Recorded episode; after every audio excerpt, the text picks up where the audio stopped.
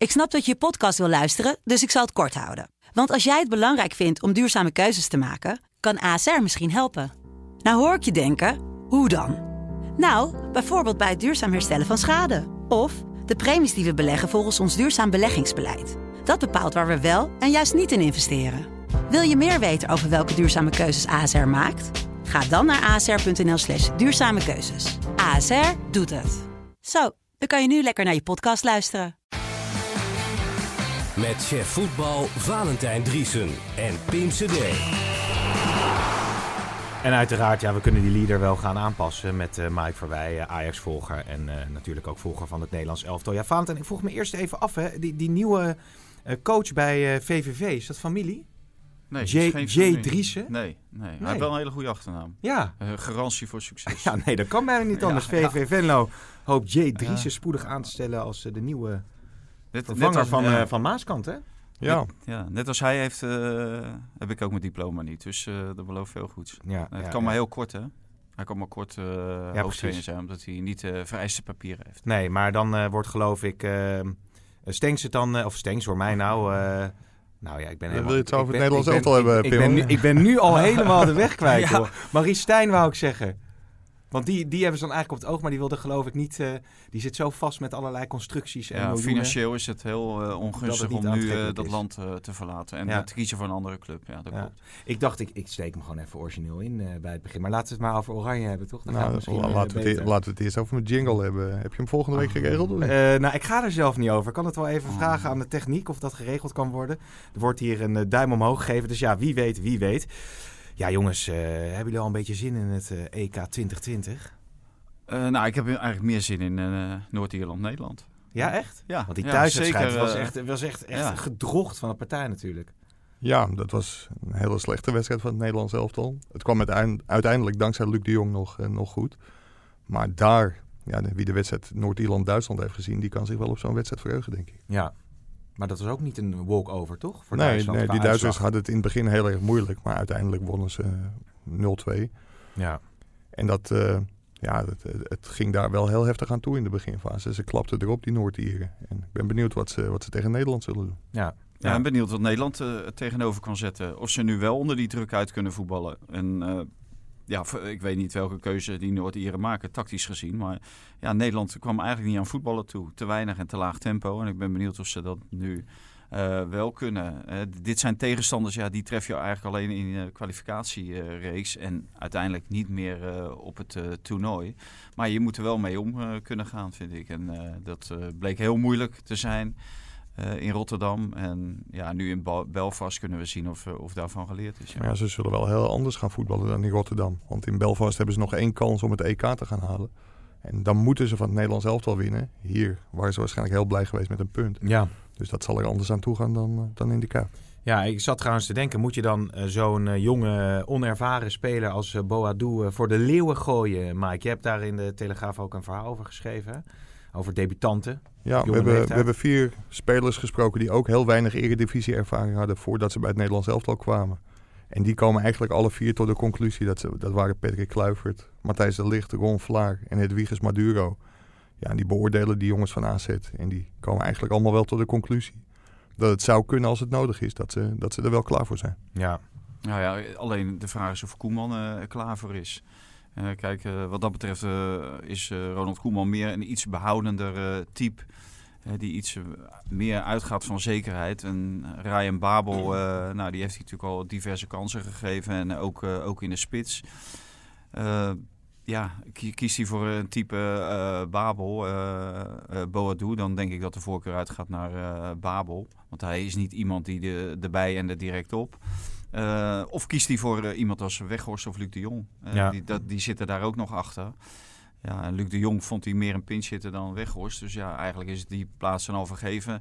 En moet je dan met eh Weghorst, waarvan je ook gezegd hebt van... ja, ik wil hem nu eindelijk een keertje eh, weer eens zien. Hè? Een, een, een dag of zeven, acht. Van hoe die er nu eh, voor staat. Een tijdje niet bij geweest. Eh, nou, nummer 25, hè, de 25e selectiespeler... viel zelfs met betrekking tot Weghorst. Dus ja, ik denk dat de keuze zal zijn Babel of Boadou. En dat Hm. ja, Koeman kennende eerder Babel is dan Boadou. Ja, Ja. want het is misschien ook wel heel veel. Hè. Kijk, als je wel een plek inruimt voor Stenks, en dat kan. Ja. Kijk, moet je dan twee jongens laten debuteren bij Noord-Ierland uit? Stel je voor dat ze allebei door het ijs zakken, dan ben je al heel snel twee wissels kwijt. Ik denk dat het ja, een beetje Ja, Van aan, alle- aan de andere kant heb je wel twee spelers van AZ die, eh, die het afgelopen eh, maanden eigenlijk heel goed hebben gedaan. Ja, En, ze eh, vinden in elkaar de- blindelings. Ja. in de combinatie eh, natuurlijk wel zich hebben bewezen. Maar op een lager niveau dan het Nederlands elftal. Ja, laten we meteen even naar de stellingen gaan. Want ik ben dan wel benieuwd eh, wat jullie vinden. Boadu moet in de spits tegen Noord-Ierland. Ik vind van wel. Eh, oneens. Oké. Strijden om de wereldtitel met Oranje is meer waard dan een droombaan bij Barcelona. Oeh, oneens. Eens. Oh, oké. Met zijn onvoorspelbare gedrag moet je Berghuis gewoon niet meer selecteren voor Oranje. Oneens. Eens. Van Bommel die zit inmiddels wel in de gevarenzone bij PSV. Oneens. Oneens. Sloetski die zit inmiddels wel in de gevarenzone bij Vitesse. Oneens. Eens. En Ajax moet Slatan aantrekken. Oneens. Oneens. Oké. Ja, want, want Slatan die wil volgens mij nog één keertje terug naar Europa, hè? Ja. Maar waar gaat Amerika gedag zwaaien? Heeft vast een warm... Weet jij dat eigenlijk, Mike? Houdt Slatan een beetje van Amsterdam? Ja, dat, dat zeker. En je leest in interviews van hem ook wel terug. Als hem naar Ajax wordt gevraagd, daar heeft hij gewoon hele goede gevoelens bij. Maar eh, heb je, heb je de tweet gezien? Hoe je, eh, hoe je afscheid nam van... Mm. eh, ja, geniaal. Ja, een soort goddelijk, hè, was het geloof ik. Ja, prachtig. Als je gewoon tegen de fans van LA Galaxy zegt van... nou, ga nu maar weer honkbal kijken. Ja. Want ik ben weg. Ja, ik, vind- ik vind dat echt... eh, Hij is gek, maar het is wel een geniale gek. Ja, ja, ja, ja. ja, het is natuurlijk uitgesloten dat zo iemand naar Ajax gaat, nog lijkt mij. niet. Ja, en eh, ieder, ieder interview wat je houdt met een speler die weg is gegaan bij Ajax, die roept van Ajax geweldig en hier wil ik terugkomen. En uiteindelijk eh, ja, zijn het bijna geen spelers, zeker geen buitenlandse spelers die, eh, die terugkomen. Eh, Suarez hoor je ook iedere keer. Nou, eh, Al de wereld vertongen. Er Ja. moet er nog een hoop terugkomen. ja, Maar eh, over Suarez gesproken, want er werd- was ook in de media dat Barcelona dan bezig is met nieuwe aanvallers. Mike, als je ze even langs gaat, is er nou een speler waarvan je denkt van nou, die zou nou wel eens terug kunnen keren in de arena? In Ja, de Arena. Kijk, al de wereld, daar heb ik altijd wel gedacht. Die had zo'n band met Ajax. Die heeft ook altijd aangegeven dat hij echt heel graag terug wilde. Die zag ik nog wel een keer terugkomen. Jan Vertongen heeft een Amsterdamse vriendin, vrouw mi- misschien inmiddels. Ja, da- daar kun je het ook van denken. Maar Suarez, ik kan het me nog niet voorstellen. Maar wie weet, eh, Pim. Ja. ja, ik denk eh, ook weinig spelers. Misschien eh, wat Mike zegt, al de wereld. Maar dan zullen die contracten moeten aflopen. Maar als je al meemaakt hoeveel moeite het kost eh, eh, voor al de wereld om bijvoorbeeld of naar Manchester United te kunnen gaan of naar Bayern München, hè, die wilden hem alle twee hebben. Ja, dan vraag je af van, ja, is Ajax ooit ja, een, een serieuze kandidaat voor, voor hem en voor Spurs? Dus dan moet zijn contract aflopen, dan moet hij gratis naar Amsterdam kunnen en dan moet hij genoegen nemen met minder Mhm. geld dan, eh, dan wat hij waarschijnlijk bij eh, United eh, of bij München kan verdienen. Ja. Ja, ver- vergeet ook niet dat het in het verleden voor sommige oudspelers van Ajax al heel moeilijk was om goed terug te keren bij Ajax. Nou ja, je, bijvoorbeeld Heitinga, maar ook Frank Verlaat. En ja, er zijn nog meer voorbeelden. André Ooyer, die heeft het dan nog wel redelijk gedaan. Ja. Maar dat niveau, dat schiet ook omhoog in Amsterdam. Dus ja, hoeveel meerwaarde heeft een speler nog die terugkomt? Dat zul je ook heel goed eh, tegen het licht Mm. moeten houden, denk ik. Ja. Misschien de Jong, ja, die was wel. dat hij weer gescoord had. Ja, Ja, tegen. Willem II. in en de Bandé ook, hè? Ja, maar die is niet teruggekomen.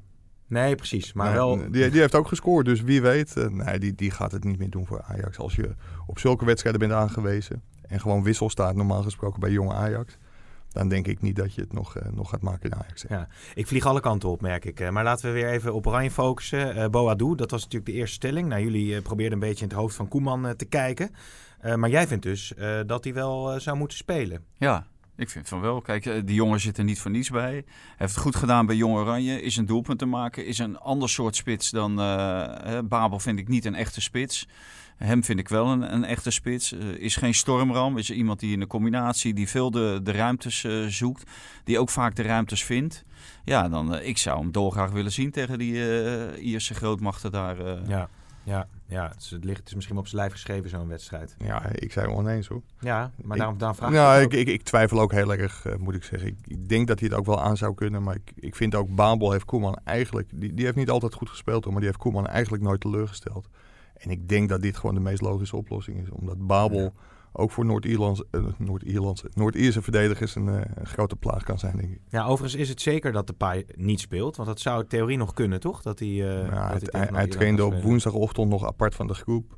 Op een ander veldje, daar was hij met looptrainers bezig. Ik kan me niet voorstellen dat Koeman heel veel risico met hem gaat nemen. Omdat je misschien tegen Estland wel, eh, wel heel hard nodig hebt. Want Ja, niemand zal dat zo uitspreken. Maar als je het in Noord-Ierland niet doet, ja, dan volstaat een overwinning tegen Estland. En als je Depay daarbij kunt hebben, dan is dat natuurlijk mooi meegenomen. Ja, is als je heel dik verliest in Noord-Ierland.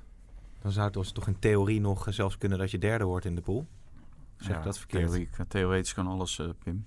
ja. Nee, want dan, dan moet... ehm, Ja, het kan, het, ja, het sorry. kan wel. ik, want had, ik had het gelezen. Ik had het nee, gelezen, maar maar misschien zit ik ernaast. Er, er kan wel iets, want anders hadden ze nu al gekwalificeerd geweest. Nou, nee, want eh, Noord-Ierland staat op eh 12 punten uit eh 6. Duitsland op eh 15 en eh, Nederland ook op maar als ze van 15. Estland winnen, dan zijn ze onderling, volgens mij altijd onderling. Want dan moet Noord-Ierland van Duitsland winnen. Oh ja. En dan is Nederland... Ja, hebben is- ze een on- beter onderling resultaat dan de Duitsers. Of in ieder geval een beter doelsaldo. Volgens mij volstaat een overwinning tegen Estland. ja, ja, en anders heb je altijd nog de vluchtroute via de, via Ja, de Nations laten we daar maar niet op aan laten komen. Precies, precies. Overigens eh, zijn er dus eh, de spelers Boadu en Stengs die met een grote glimlach eh, de selectie tegemoet te treden. Nou ja, een speler die het ja, even wat moeilijker heeft is Zoet, de keeper. Laten we even luisteren hoe hij ingaat op zijn eh, reserveplaats bij PSV. Ik heb nu op dit moment alleen invloed op wat ik zelf doe. En eh, als dat moment daar is, kan over twee wedstrijden zijn, het kan over drie wedstrijden zijn. En het kan ook nog langer duren. Dan moet ik gewoon weer zorgen dat ik er sta. En dat iedereen ziet wat ik goed kan. En dat is goed keeper. Dus eh, ja, de- helaas kan ik niet in de toekomst kijken. En kan je dat moment nu niet bepalen. En het feit is inderdaad zo dat je een keeper niet zomaar weer wisselt. Maar eh, als het moet, dan, dan, dan sta ik er weer. Ja, Ja, Soet kan niet in de toekomst kijken, maar volgens mij konden wij het wel. Want dit zat er natuurlijk aan te komen. Dit hebben we ook in de podcast gezegd, dat hij zijn plek zou gaan verliezen, normaal gesproken. nou sterker nog, Valentijn is een video van eh, dit weekend moet eh, Van Bommel eh, Zoet eh, Ja. passeren. Zal die daar niet En naar komt geschieden. hebben? Nou ja, je weet het niet hè. Nee, nee, maar het zat er wel een beetje aan te komen. Alleen ik vond eh, de timing vond ik ook wel een beetje vreemd. Eh, aan de andere kant, eh, zo, eh, net voor zo'n interlandbreek, eh, dan kan je hem ook eh, laten staan. Je weet dat hij geselecteerd is voor het Nederlands elftal. Dat, dat wist Van Bommel al. Dus eh, dan, dan zou je hem een laatste kans eh, kunnen geven. En nu, ja, het is er achteraf en ze zijn kont kijken. Maar ook met eh Oenestal hebben ze die wedstrijd dan ook niet... eh, Ja. Niet gewonnen. En plus alles wat daaromheen heeft eh, gespeeld natuurlijk. Eh, miscommunicatie in de staf bij PSV. Wat wel heel amateuristisch eh, was. Dat, dat verwacht je niet bij een staf van een, van een topclub. Maar daarin zie je wel dat het een hele onervaren staf is. die Van Bommel om zich heen heeft. Van Bommel zelf dan. Nou, dan Ruud Hesme, dat is dan de keeperstrainer. Wie hebben we nog meer? Jurgen Dirks zit erbij. En die oude jongen van Willem II. Waar die ook. Ja, eh, Ja, Mike roept maar. Maar dat, dat zegt al genoeg. Hè? eh, dat we niet direct op de naam komen.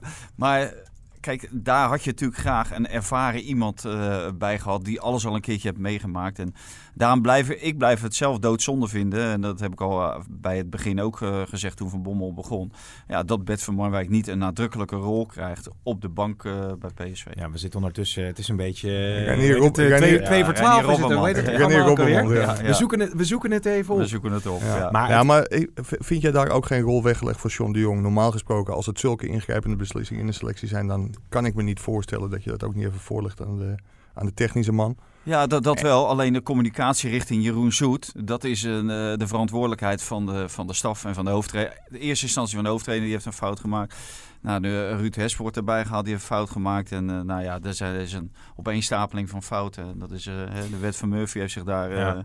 afgespeeld. En, eh, ja. Ja, en zo'n statement van het PSV is een dag later is natuurlijk best pijnlijk om, da- om Ja. daarmee te moeten komen. Ja, maar ik vind het zo raar dat als je een eh, speler die zoveel waarde heeft gehad voor PSV uiteindelijk dan gaat passeren. Nou, dat is bij een keeper dan meestal niet voor één wedstrijd. Dan lijkt me opdracht 1 dat die keeper dat gewoon eh, tijdig en op een rustige manier hoort. ja, Dat hij sowieso. dat kan verwerken. En da- Ja. daar is iets heel raars gebeurd Ja, natuurlijk. dat, dat, dat heeft Koeman wel beloofd, hè? dat als hij geen tweede keeper is, dat hij het op tijd, Ja. eh, op tijd hoort. Ja, ja. Nou, kijk, de, de, de- dat eh, wat Mike nu aandraagt, dat vond ik dan wel weer vreemd van Koeman. Want hij is namelijk altijd tweede keeper geweest. Hè, eh, Zoet. Hè, ook, ook bij het Nederlands elftal. eh, de, dus hij had ook nu kunnen zeggen van Zoet is mijn tweede keeper. Maar dat zegt hij ook niet.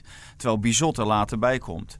Dus er is toch ook bij hem hè, niet de volle overtuiging dat Zoet zijn tweede man is. Nee. Ja, maar za- zal dat, ook niet zijn in afwachting van hoe hij zich deze week opstelt? Stel je voor dat hij hier als een vaardoek over het trainingsveld loopt en Ja, gewoon mentaal maar, er totaal niet bij is. Dat je Ja, dan, Ja, dat, dat, dat zou kunnen. Dan maar, zegt eh, van oké, ja, als je zo keept, dan, eh, dan word je Ja. mijn derde keeper. Ja. Ja. maar dan moet, dan moet hij de volgende keer niet meer bijnemen als dat zo zou zijn. Maar toch heb je Zoeter, denk Maar- ik, als Koeman ook nog wel best graag bij. Want het- het is, kijk, Unerstaal is dan natuurlijk een buitenlands keeper, maar zoveel eh, heb je natuurlijk niet. Nee, nee, nee. Nee, je hebt helemaal... eh, Want je hebt misschien eh, liever Zoeter die je dan in laat vallen tijdens een EK dan Vermeer. Zit ik me in één keer af te vragen. Hij heeft Vermeer, Ja, maar je hebt ook Bizot nog. En, Maar er zijn meer opties. Hè. Er is ook een Nederlandse keeper die gewoon elke week in de Premier League speelt. Is Tim Krul minder dan Kenneth Vermeer? Is Tim Krul op dit moment minder dan Jeroen Soet? Ja, dat kan ik me niet voorstellen. Nee, nee. Ik- nog even terugkomen op dat communiceren, zeg maar. Dan moet ik wel Mhm. zeggen dat Van der Brom, eh, dit jaar heeft dat ook gedaan. En die deed het wel heel slim. Hè, die liet David Jensen, die, die verloor zijn plek na zoveel jaar onder de lat aan eh, Paas. En die heeft gezegd van eh, dat weekend blijf jij maar thuis.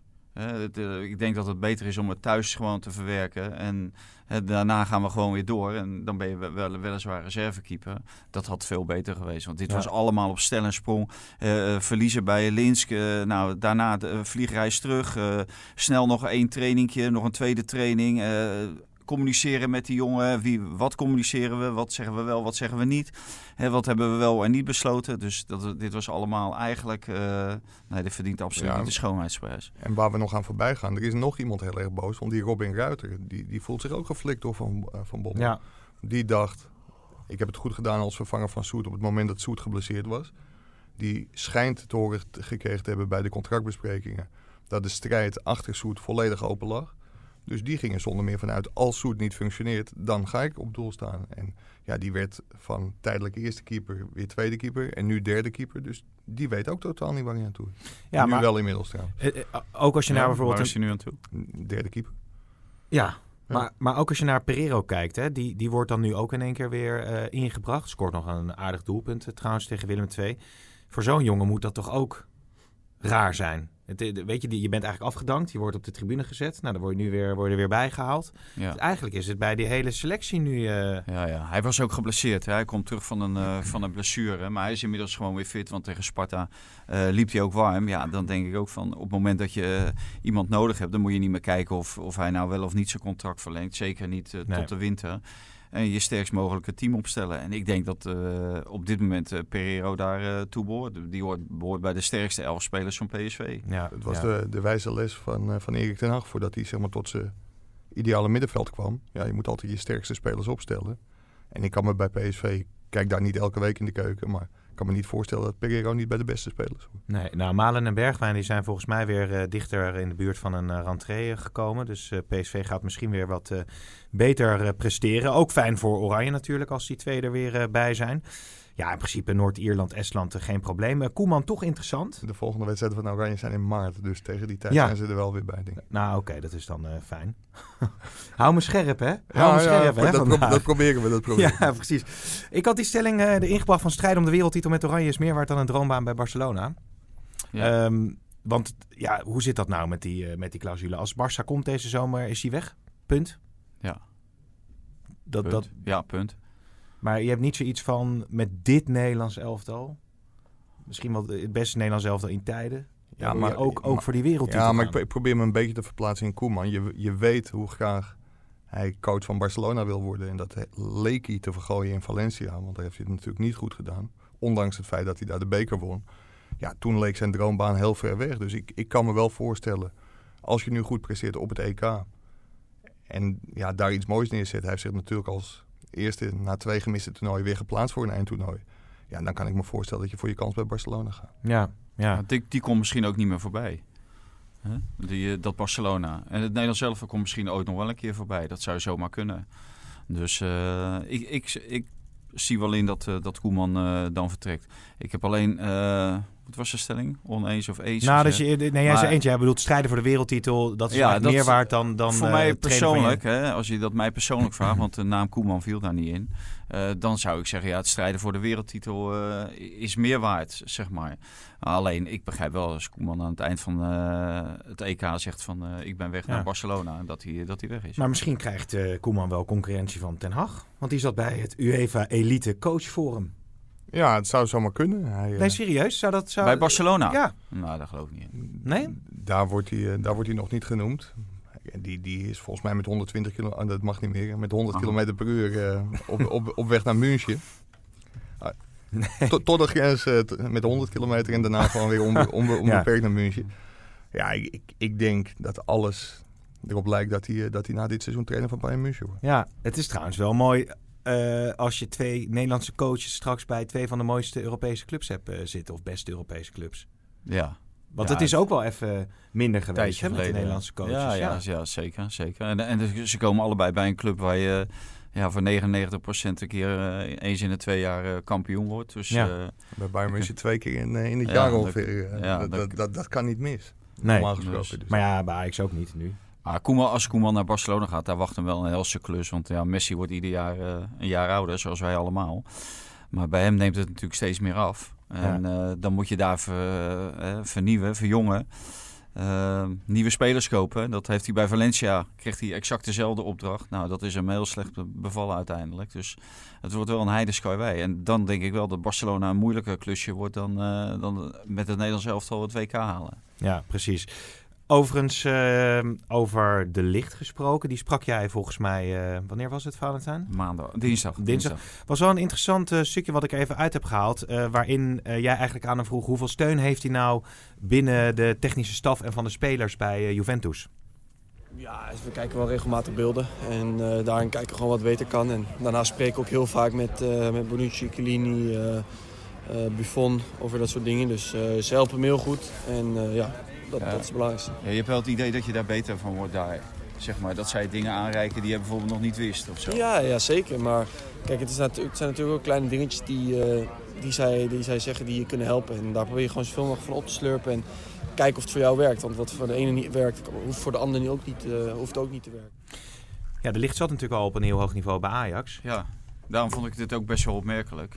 Maar de, bewijst ook de, de leergierigheid bij die, bij die jongen, dat hij niet is uitgeleerd. En toen hij naar Juventus ging, toen zei eh, zijn zaakwaarnemer Minariola dat hij nog heel veel had te leren als verdediger. En dat merk je wel in Italië. En dat blijkt dus ook eh, zo te zijn. Eh, en Matthijs gaf ook aan dat hij eigenlijk van bij Juventus wordt hetzelfde verwacht als bij Ajax. Hè. Verdedigen, maar ook je inbreng hebben aanvallend in de opbouw. En dat dat toch iets anders is in Italië dan, eh, dan in Nederland. Wij denken van, eh, nou, verdedigen is verdedigen. Maar daar denken ze in Italië dan blijkbaar anders over. En ik denk dat hij daar wel een rijpere en betere verdediger uiteindelijk van gaat worden. Want het Ja. is niet iemand eh, die, eh, die echt van zijn stuk raakt. Zelfs niet na drie hensballen. Nee. eh, en zoveel tegenslag. En dat, dat bleek nu ook wel. Eh, ja, ik, ik denk dat eh, uiteindelijk dat het Nederlands elftal bijvoorbeeld daar eh, een veel betere verdediger van terugkrijgt. Het allermooiste in dit fragment vind ik, andere jongens zouden zeggen van, eh, ja, ik spreek met ze en daar kan ik dingen van oppikken. Maar Matthijs de Ligt heeft het over opslurpen. Ja, Ja. Ja, en da- dat heeft hij bij Ajax ook altijd gedaan. Dat, daar spraken alle trainers vol lof over. Ja, hij wilde alles weten. Hij stelde vragen. Dat heeft Ronald Koeman volgens mij ook een keer in een persconferentie gezegd.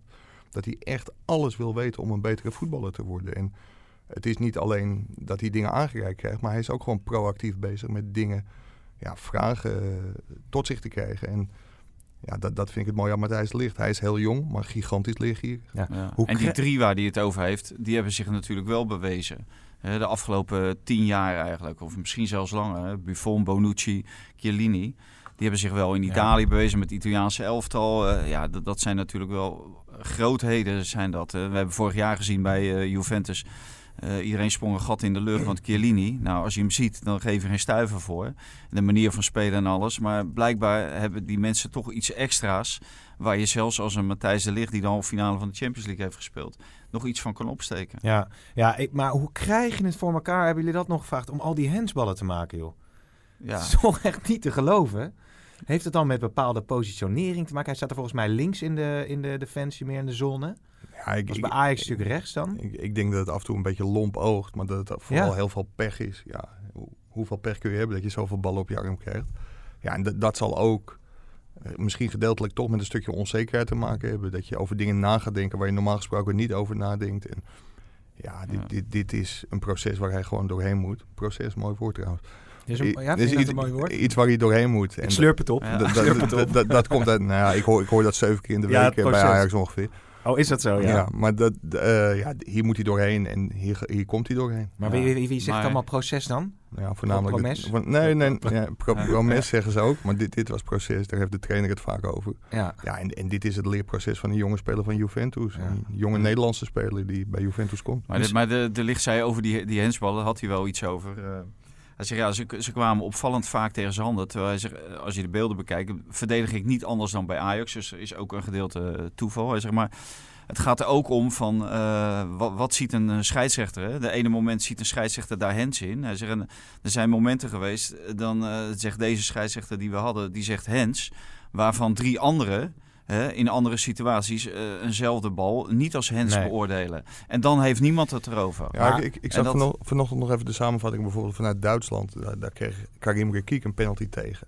Eh, Ja. Ik weet niet of je die ja, gezien die heb ik hebt. gezien. Ja. Ja, die, denk, die wordt van zo dichtbij. En die jongen die, Was, ja. die, die gaat naar de goal. Eh, Volgens mij een heel natuurlijke beweging. En natuurlijk had hij zijn arm van zijn lichaam af. Maar wat moet je dan doen om hier een penalty te voorkomen? Nou, en alles wordt natuurlijk 54 keer eh, getoond met die VAR. Ja, daarom. Elk, elk moment Ja. eh, is, een, is een onderwerp van discussie. Ja. Nou, Ja. En eh, so- soms heb je het idee van eh, die bal gaat helemaal niet tegen iemand zijn arm. En dan zie je in die VAR, dan gaat het, he- VAR, dan gaat het heel langzaam. En dan denk je van, ja, raakt hij hem nou wel of raakt hij hem nou niet? Nou, en dat, en zelf, zo zitten natuurlijk ook die scheidsrechters te kijken naar die VAR. Die weten het af en toe natuurlijk ook niet exact. Nee. En er is geen eenduidige regel van, dit is hens en dat is geen hens. Ja. En dat, is, dat blijft eh, interpretabel. Dus ja, dat is eh, het grote probleem. Ja, je zou bijna zeggen van ga maar naar de hockeyregel eh, qua bal op je voet. Eh, fluit maar voor alle hens, want dan, dan is het in ieder geval duidelijk. Ik weet niet of het daar beter van wordt. Dan is het in Nou, ieder geval... licht niet in ieder geval. Nee, maar, dat, maar, maar dan is er in ieder geval duidelijkheid, want dit, Ja. dit is pure willekeur. Ja, maar ja, kijk, eh, er zijn spelers die van 100 meter afstand schieten ze iedere bal op je rechteroor. Dus er zijn ook spelers die van 3 meter iedere bal op je rechterhand of op je linkerhand schieten. Dus Ja. Dan, ja, dan wordt dat de sport. Dan wordt de sport om proberen iemand op zijn hand te schieten. Dus dat moeten we ook Op eh, je oor mag, toch? op je oor mag. Ja. Trouwens, eh, even een quizvraag tussendoor. We, eh, we- welke... René Robbenmond. Ja, ga voor antwoord B. Ja, ja. Nee, maar welke speler heeft... eh, nou, is geen, is, het is gewoon een vraag. Maar welke speler heeft denk ik het meeste, is het meest vatje buskruid bij Oranje? Wie heeft het meest ontploffingsgevaar? Ja, je had net de stelling over Steven een Dus, dus, dus ik, denk, ik, denk, ik, denk, ik denk dat je die kant op ik denk, wil. ik of maak? Ja, even een ja, bruggetje, ja, hè? Want ja. anders komen al die onderwerpen zijn. Tom Beugelsdijk die is nog niet geselecteerd Nou. voor het Nederlands elftal. Dus eh, anders zou die misschien in aanmerking Of komen. Kramer. Of Kramer, ja. Dat is toch Nee. ook ongelooflijk Ja. trouwens, hè? Die Kramer en die Ja. Beugelsdijk trouwens. Bizar. Ja, Marco van Basten zei daar wel mooie dingen over bij eh, de eretribune, vond ik. Ja, weet, weet je, als je zo het veld op gaat, dan heb je eigenlijk niks op een veld te zoeken. Nee, nee, nee. nee. Maar het erg was eh, eh, van zowel Beugelsdijk als, over, eh, als Berghuis... dat het na afloop werd het eh, lacherig afgedaan. En met, Ja. een, met een halve eh, grap en eh, een, een wedervraag eh, kwamen ze er vanaf. Tenminste kwam Berghuis er vanaf en... eh, Beugelsdijk die, eh, ja, die maakte eigenlijk de interviewer belachelijk. En, en ook de, de speler die die geraakt had, eh, maakte die belachelijk. Deed hij een beetje cynisch over. Ja. Ja, kijk, als we die kant op gaan, dat moet je gewoon niet willen. Maar Nee, Berghuis... maar, maar er ja? zijn dus echt mensen die in, in Nederland denken van... nou, Berghuis steekt zo in elkaar, maar geef hem een aanvoerdersband. En dan Ja. ben, je, ben je daar definitief vanaf. Ja, behoorlijk naïef volgens mij. Ja. Maar wat is dat toch met Koeman dat hij dan... Want het is niet de eerste keer bij Berghuis. Hij heeft hem ook al gewaarschuwd. En hij blijft hem wel selecteren. Maar ja, dat wordt natuurlijk een gigantisch probleem voor Berghuis als hij zo doorgaat met het oog op de EK. Want er, er komen zoveel jonge, talentvolle voetballers aan. Dit is natuurlijk op deze manier een van de eerste spelers die gaat afvallen. Ja. ja, daarom lost het probleem zich uiteindelijk vanzelf op.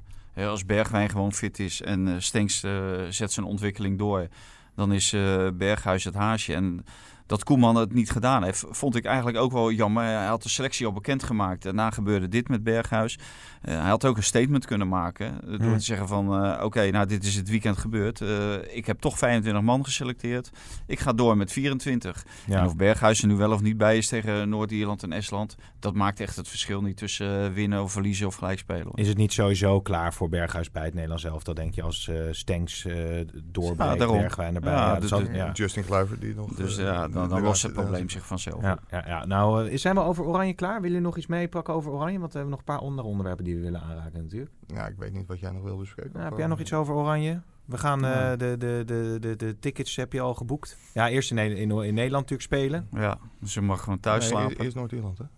Ja, nee. Maar als het EK halen. Oh, oh, oh, oh, oh, twee, twee, twee keer, ja. Ja, twee, toch? Ja, Minimaal, ja. minimaal twee keer, misschien Ja. wel drie keer thuis. Vind je, vinden jullie dat jammer eigenlijk? Dat je dan eh, in, eh, in Amsterdam speelt? Of Nee, zit je liever ergens... eh, Nee. Nee, In, eh, gelukkig Minsk of zo. al die, eh, Heerlijk, die klote douanecontroles en eh, dat je je schoenen uit moet en eh, dat soort eh, dingen. Had jij Nee. liever drie wedstrijden in Baku gehad, of niet? Ik ken Baku niet. Nee, ik ook niet. Nee. Eh, maar goed, en, dus, dus oké, Oranje kunnen we afvinken. Eh, van Bommel hebben we ook wel besproken.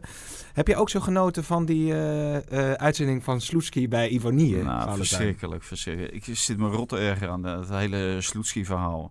Die, die, die moest er nodig komen van die Russen. En eh, nou, er werden ook nog eh, in diverse tv-programma's geroepen van... eh, ja, verrijking voor de Nederlandse voetbalcultuur. Eindelijk een trainer uit het buitenland. En nou, die man heeft werkelijk helemaal niets bijgedragen aan de Nederlandse voetbalcultuur. En dat belachelijke gedrag langs de zijlijn. Ik vind het veel meer een clown dan dat hij eh, eh, iets betekent voor het Nederlandse voetbal. En eh, dan hoorde ik ook de spelers, het gaat alleen om resultaat. Brian Linsen die werd iedere keer voor de camera gehaald naar een goede start. Nou, het voetbal zag er niet uit. En ik ben gewoon van de generatie, tenminste niet van de generatie, maar van de lichting. Ook niet van de lichting, hoe noem ik dat? Ik hoor ergens toe. eh, Patatgeneratie. Nee, maar, maar die, die ervan uitgaat van op het moment dat je goed voetbalt, dan komen de punten vanzelf. En op het moment dat je niet goed voetbalt en je, je wint wat punten, dan is het vaak op toeval of op eh, organisatie. En dan ineens dan, School, Dus- je bent van de school. ja, dan, dan zakt de hele boel zakt in elkaar. En dat gebeurt bij Vitesse en dat heb ik me eigenlijk echt wel een beetje op verheugd. Ja. Maar ik moet die zeggen, laatste drie eh, nederlagen op rij. En dat je helemaal niet aan voetballen toekomt. Omdat er gewoon helemaal geen voetbal in zit. En dat er ook helemaal niet getraind wordt op voetbal. eh, om van achteruit een, eh, een normale aanval op te zetten. En dan eh, de voorhoede te bereiken. Dus dat lukt pas van die school ben ik. Dat lukt pas weer aardig trouwens, om zijn voorhoede te bekijken. Dat is de enige die wel... Een, Nee, maar ik moet zeggen, complimenten voor je stellingen, Pim. Want jij vroeg van, komt Sloetski onder druk? Of hoe, hoe was de stelling precies? Nou, eh Sloetski en de gevarenzone. Hè? Ja, Sloetski zit al lang in de gevarenzone bij In, Vitesse. in principe niet natuurlijk, want hij is door die Russen binnengehaald. En die zullen wel honderd keer nadenken voordat ze hem eruit eh, gooien. Maar je, je merkt wel bij de supporters van Vitesse dat het broeit en dat, dat daar wat aan de hand is.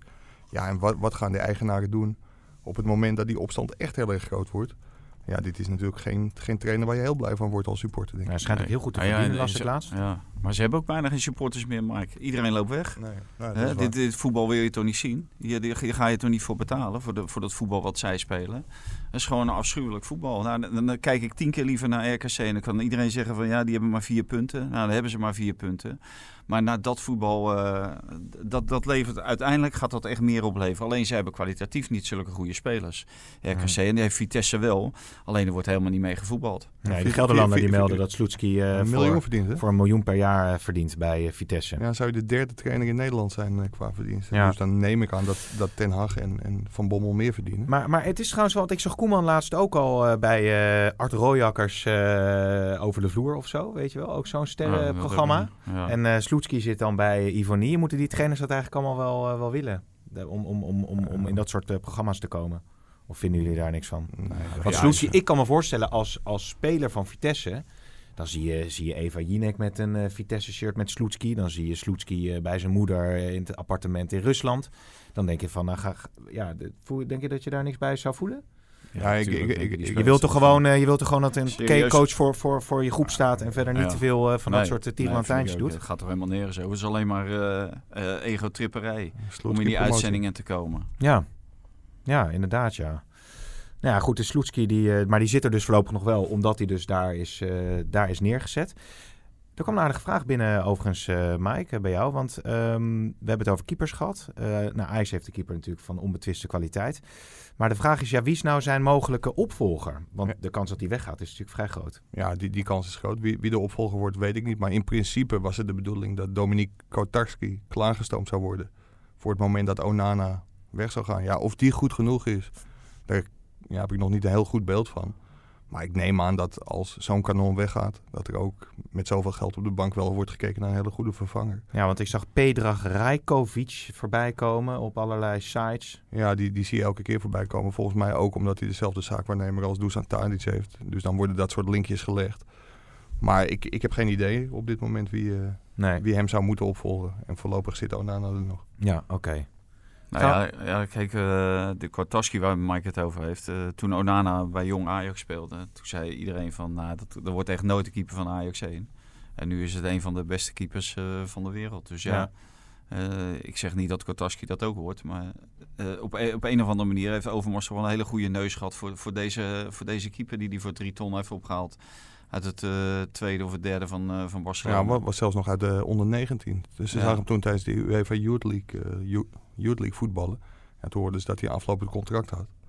En toen was Overmars daar als de kippen bij met uh, Carlo Rami. Ja, ik zit uh, te denken om uh, eens rustig te gaan afronden. Ja, we kunnen natuurlijk nog wel even doorgaan. maar we komen waarschijnlijk ongetwijfeld nog heel vaak over Feyenoord te spreken. Zal een beetje ja. allemaal... Arnissen is nu binnen. Die wordt nu directeur, ja. Maar die gaat volgens mij pas half januari of zo beginnen. Maar die heeft natuurlijk... omdat hij geopereerd is aan zijn knie... maar ook met een geopereerde knie kan je vanuit huis... en met de telefoon hm. kan je natuurlijk meer dan genoeg doen. Want die Frank heeft een een telefoonboek waar uh, zelfs Mike jaloers uh, op wordt. dus dat wil wel wat zeggen.